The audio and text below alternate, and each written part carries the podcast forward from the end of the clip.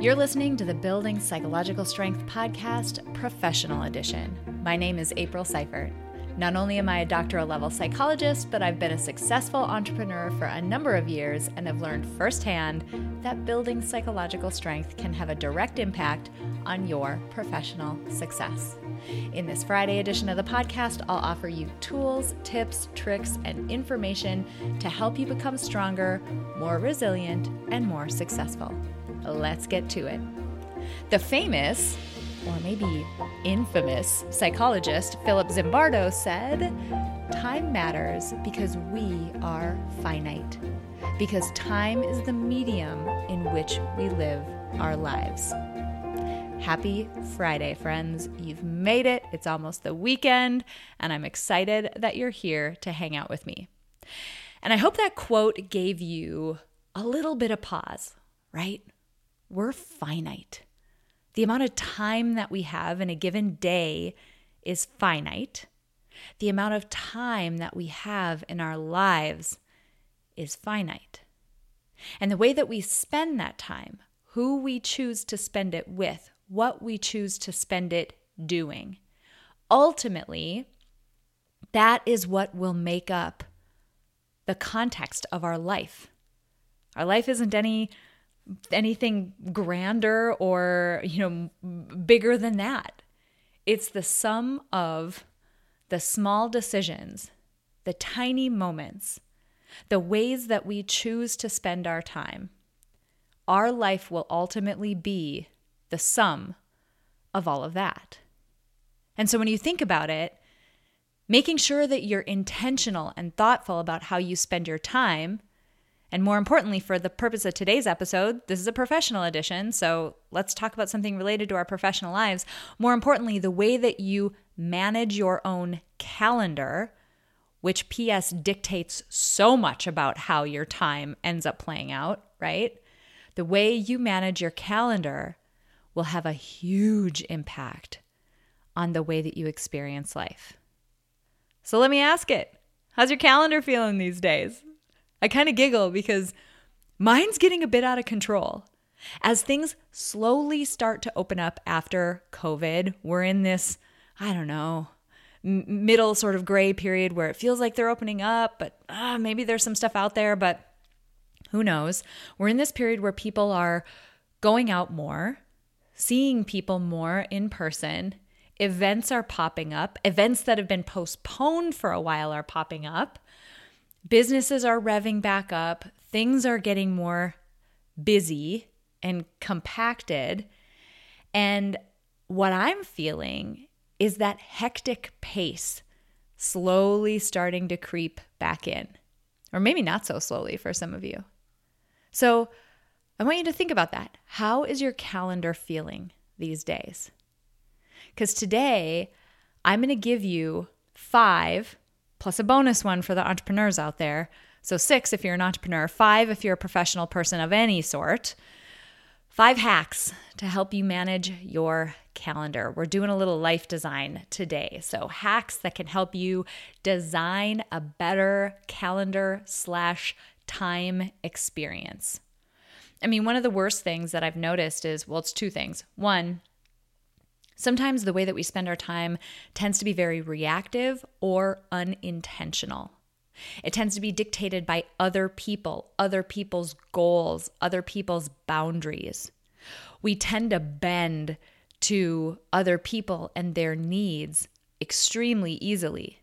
And then the second piece of this, or maybe even just the flip side of the same coin, is that have you ever had the experience where you look at your calendar and I read this in a book one time and I just love this description. It looks like time confetti. There's just like poof, like little blurbs of time everywhere, but none of them are a chunk that would allow you to do anything meaningful. Or maybe you're in the experience where you're spending a lot of time doing things that uh, aren't moving you closer to your goals or aren't aligned with your values professionally. If any of that applies to you, today, like I said, I'm going to give you five calendar hacks that will help you move in the direction of getting control of your calendar. This isn't going to be an over the overnight thing. This isn't going to clear up every possible thing. But wow, if you can implement just a few of these, I promise you your calendar will be much more under your control and it will be much more of an intentional, sane place to be. And who doesn't want that? All right, so here we go. Let's dive into them. Five slash six hacks to help you gain control of your calendar. Hack number one. This one's going to seem obvious, and maybe it's obvious, but the question is are you doing it? Are you scheduling in your work time? And by that, I mean, don't just write it down. If you're in a job where your calendar is kept electronically, especially if other people have access to your calendar, are you booking work time? Or are you booking white space in your calendar? Because if you don't, let's think about this.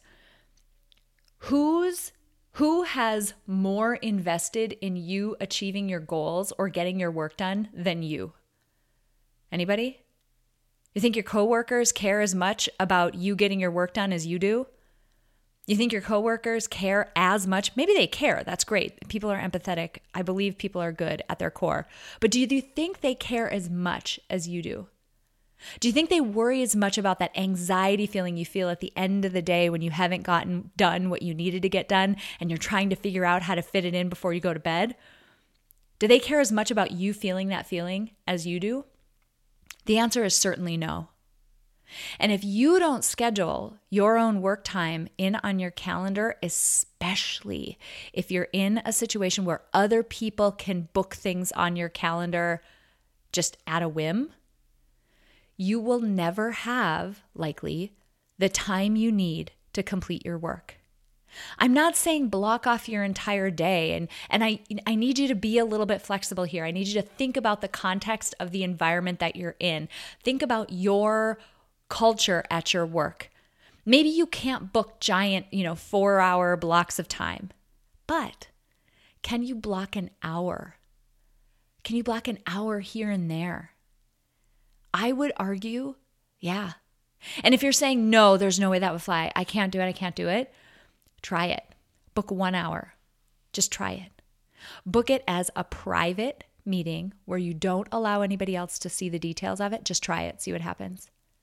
And if somebody asks, just say, oh, sorry, yeah, I have something at that time, but can you? And give them an alternate. See what happens. Run this as an experiment. But tip number one book your work time on your calendar, especially electronically. Number two, if you are, this one is probably more useful for people who are in entrepreneurial setting, but it can also be useful for people who are in more traditional jobs.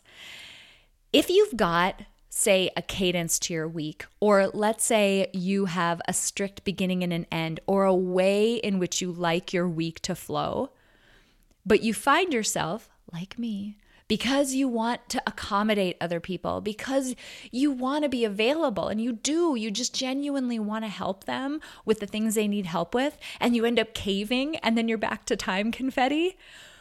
Consider using technology to help you out. There are tools like Dubsado, like Calendly, like Acuity that will help you set rules and set boundaries on your calendar via a set of links that you can send out to people so that they can book on your calendar. Consider thinking about what are those boundaries? What are those rules? In a perfect world, if I set rules and I was going to follow them, what would it look like to create a more sane calendar? Think about that and then use technology to help you implement those rules, to basically save you from yourself, save you from being the person who wants to be there for everyone else and gives and gives and gives, but doesn't hold back any time to get their own stuff done. Technology can be a savior. I use these links. I use a tool called Dubsado. I absolutely adore it. I use those links to help me keep my own boundaries because I know I will break them. So that's Tip number two use technology to help you set and keep your boundaries, especially if you're the type of person who tends to bend to other people. Okay, third, You know, when you're going back and forth with somebody, you're going to schedule a meeting, maybe it's a networking thing or something. Uh, and this is a person who doesn't have access to your calendar. So this isn't a coworker. This is typically it happens to me in a networking setting. I'm going to go connect with somebody and we're going to, you know, talk about what's up in our lives these days. You kind of go back and forth, right? Oh, you know, like, yeah, let's get together and uh, t- let me know what works for you. And here's some, you know, whatever. And you're kind of going back and forth trying to find a time. Now, this is one of those times where, have you ever heard in negotiation, the person who speaks first, the person who gives a price first, is the person who loses? Calendaring is the opposite. Whoever suggests a time first wins because you can look at your calendar sanely without the pressure of anything else, and you can find a set of times that work for you based on the boundaries and the flow and the needs that you have and the work time that you need if at all possible. Always, always, always. Tip number three always, always, always be the first person to suggest a time or a set of times. This means that you can find a time that's more optimal on your own calendar while still being able to meet with that person, while still giving them a set of options, but you're giving them options within the boundaries of how you have designed your week. So, Consider being, or uh, don't even consider, just do it always. Be the person who suggests a time first and suggest times that fit within the bounds of that design. Your very well designed calendar, your calendar by design. Be the first person to suggest a set of times. And what you might find is nine times out of 10, that person's like, oh, yeah, this one works because they don't want to have to go through the process of, of the admin of trying to find times. But what they don't realize is how much power is in being the first person to suggest. So make sure you're the first person to suggest available times to meet so that it fits inside your design of your calendar. Number four, time blocking. Time blocking is where you set aside chunks of time to do certain types of work. And this doesn't have to be like again, I'm going to set aside four hours where I'm going to work on one project. But maybe, let's say you're the type of person who has one foot in each of two different worlds. Maybe you both, and I was in this position in my corporate career where I was managing a very high performing team, and management is its own set of work. It requires strategic thinking and its own sort of brain space. And I also was still doing some individual contributor work which is a very different mindset. It's a very different way of spending your time when you're doing individual contributor work.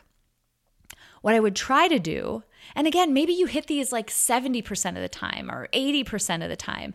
If the more you can do the better. So even if you're getting 25% of the way there, that's better than being 100% reactive. But I would try to con- to time block and do more of my management stuff chunked together. And I would do more of my individual contributor stuff chunked together so that I was avoiding something called context switching, where you're going back and forth. And in my case, this was very detailed data work. So I was going down in the weeds and I was digging into data and I was looking for, you know, issues and trends and, and, you know, insights and that type of thing. And then I was shooting up to 10,000 feet trying to be strategic to lead my team. That up and down, up and down, up and down, talk about inefficient. And if you're like most professionals, you probably don't have a whole lot of efficiency to burn. You probably don't have a whole lot of time that you can just poof, let go, right? So, as much as possible, think about your activities and how do they chunk together? Are there certain ones that go together and require you to do, to think in a similar way? Maybe there's a bunch of creative stuff you do. Maybe there's a bunch of like learning or synthesis that you do. Maybe there's really detailed data work or spreadsheet work or something like that that you do. Maybe there's more relationship type work. Maybe you're selling or you're networking or whatever whatever it happens to be, think about your work and clumping it together so that you're using the same sort of brain juice in order to get it done. And try as much as possible to stack that stuff together. This includes meetings too. Maybe you just try to stack a bunch of meetings back to back so that it opens up time later in your week so that you can work on, you know, other things that are different brain space than what you would do in the meeting. But the point is, get creative, think about your own set of responsibilities and tasks, and try as much as you can to time block to avoid context switching. All right, fifth one. It's really interesting when you look at the habit formation and change literature. One of the big pieces of that literature is around triggers or cues. These are things that we encounter that just subconsciously trigger our mind to have the urge to engage in a particular activity. So I'm going to use something completely out of the context of what we're talking about just to make a point, and then I'll get us back onto something more relevant. Uh, let's say I had a person in my life who was a um, a smoker. They smoked a lot, and one cue of theirs was getting in their car every time she got in her car, she'd light a cigarette. So, contextually, geographically, right, location wise, when she entered her car, when she was in her car, subconsciously, it triggers our mind to run down a familiar path, meaning the familiar path of having a cigarette, send us a very strong urge to complete that chain. The trigger starts the chain, the cigarette ends it. And so our mind gets super used to the comfort and predictability of these habits, and it sends us these urges to keep us in that comfortable, predictable pattern, even if this stuff isn't good for us, right? Like smoking. So you can use this to your advantage there's all kinds of things, right? Like smoking and eating and or like eating unhealthy food and uh, maybe drinking wine and like all these things, right? We can point at all these, you know, habits that maybe we want to reduce or not do as much.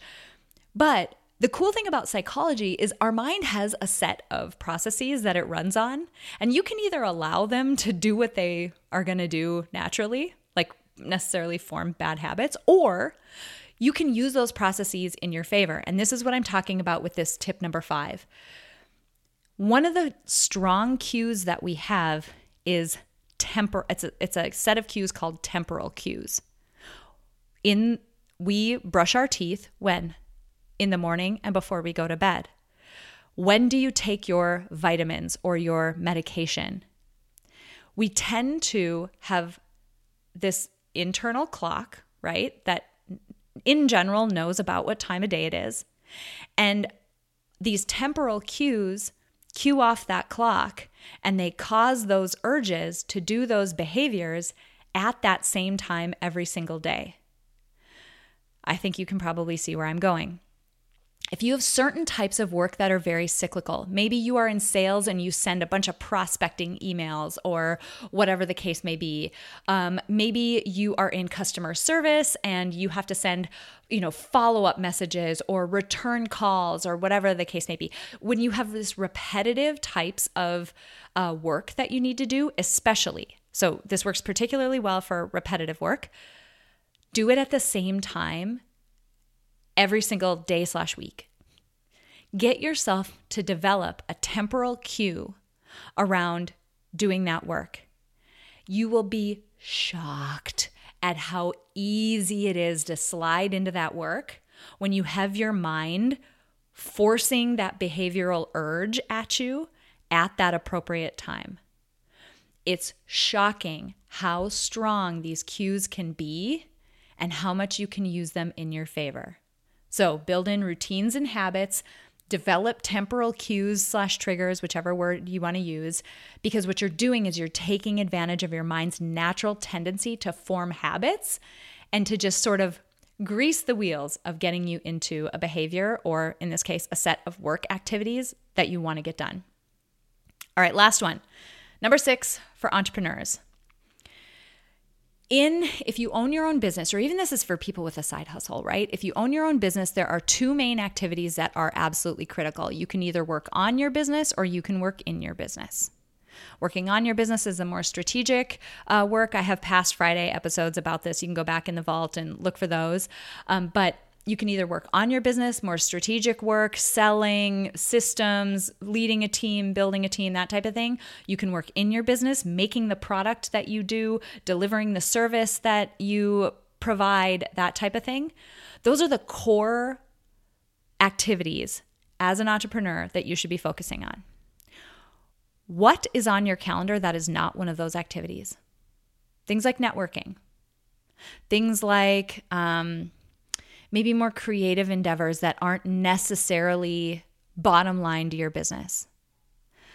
I'm not telling you not to network. I'm not telling you not to do those things. But what I want you to do is be mindful about how much time you're spending on those other things. Be honest with yourself. Flip through your calendar for the last six to eight weeks and look at it and say, how much of this time am I spending working on or in my business? And how much of that time am I spending doing other things? And give yourself an honest assessment. Do I need to dial some things back? I would network for my job. I love it. I love getting to know other people. But what I noticed is that my instinct to do that will eat up every minute on my calendar if I let it. And this kind of goes back to to tip number 2 using technology to help you. I actually have a networking link that saves me from myself. It only allows me to schedule so many networking commitments each week because I know that I'll fill my schedule up because I just think it's fun. And then it'll be at the detriment of the rest of my work. That absolutely needs to happen to keep my business healthy and growing. So that's just a little tip for the entrepreneurs. I'm going to do a quick run through these five slash six tips again, just so that you've got them all in one place. Number one, schedule your work time, get it on your calendar. Number two, use technology to help you keep and set your own boundaries, save you from yourself. Number three, always be the first person to suggest a time to meet. Number four, time block and try to avoid context switching. Number five, build in routines and habits. Try to create temporal cues and triggers to help grease the wheels. And number six, for the entrepreneurs out there, limit the time that you are not spending working on or in your business. Limit the time that you're spending working on other things. All right. I super hope that was helpful. Working with my calendar is one of the things that I have really focused a lot on over the past I don't know, three to four years, just making sure that I have good systems and good processes and good design around my calendar. And I cannot describe to you how big of a difference it makes in just how your month, week, day flows. It is, I mean, indescribable. It's incredible. On that note, I'm actually, because I've gotten, I mean, frankly, really good at this, I'm working on a new project right now. This is a calendar focused project. I know that calendaring and this time confetti issue and trying to manage really complex, high responsibility lives is something that a lot of us have to do and struggle with. And that's why I'm putting something together to help with that. I'm not ready to announce it yet, but it's going to be coming in the next I don't know, I would say month to eight weeks or so. If you want to be one of the first to know about it, the people who are going to be the first to know about it are the people who are on my individual email list at aprilseifert.com, not at PeakMind, but at aprilseifert.com. If you want to be one of the first people who get notified about that, go over to aprilseifert.com, scroll all the way to the bottom, and sign up in the box at the bottom. Drop me your name and your email. I don't really email my list very often. So when you sign up, you're going to get probably a week's worth of just introductory emails like, hey, this is who I am, and this is why I care about this work, and here's this podcast, and here's a talk I've given. You're also going to get, just as a bonus, um, you'll get my life design transformation blueprint just as a free gift for signing up. So you'll get that as well. But what ultimately this will buy you is one of the first slots in to a new uh, resource that I am putting together. So, again, if you have issues with your calendar, if you're looking at it and it feels like time confetti, if you're feeling like a lot, I've got you. I'm there with you. I've got you. And that's why I'm putting this resource together. So sign up at aprilseifert.com. I'll drop that link in this episode description so you can swipe up and get to it. Uh, but yeah, I would love to see you on that list and we'll definitely let that list know about this resource before anybody else gets to know about it. Thank you so much for joining me for this professional edition of the Building Psych Strength podcast. If you're an entrepreneur or a business professional and you're interested in becoming more successful, hit the subscribe button. And until next week, friends, be strong, be resilient, and be successful.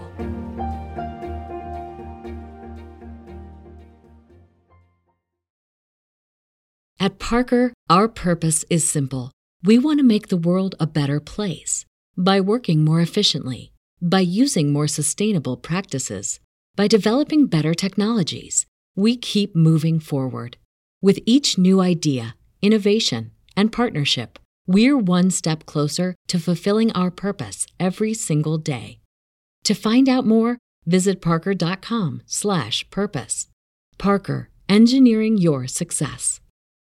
As humans, we're naturally driven by the search for better. But when it comes to hiring, the best way to search for a candidate isn't to search at all. Don't search, match with Indeed. When I was looking to hire someone, it was so slow and overwhelming. I wish I had used Indeed. If you need to hire, you need Indeed. Indeed is your matching and hiring platform with over 350 million global monthly visitors, according to Indeed data, and a matching engine that helps you find quality candidates fast. Ditch the busy work. Use Indeed for scheduling, screening, and messaging so you can connect with candidates faster. And Indeed doesn't just help you hire faster. 93% of employers agree Indeed delivers the highest quality matches compared to other job sites, according to a recent Indeed survey. And listeners of this show will get a $75 sponsored job credit to get your jobs more visibility at Indeed.com slash podcast. That's Indeed.com slash podcast. Terms and conditions apply.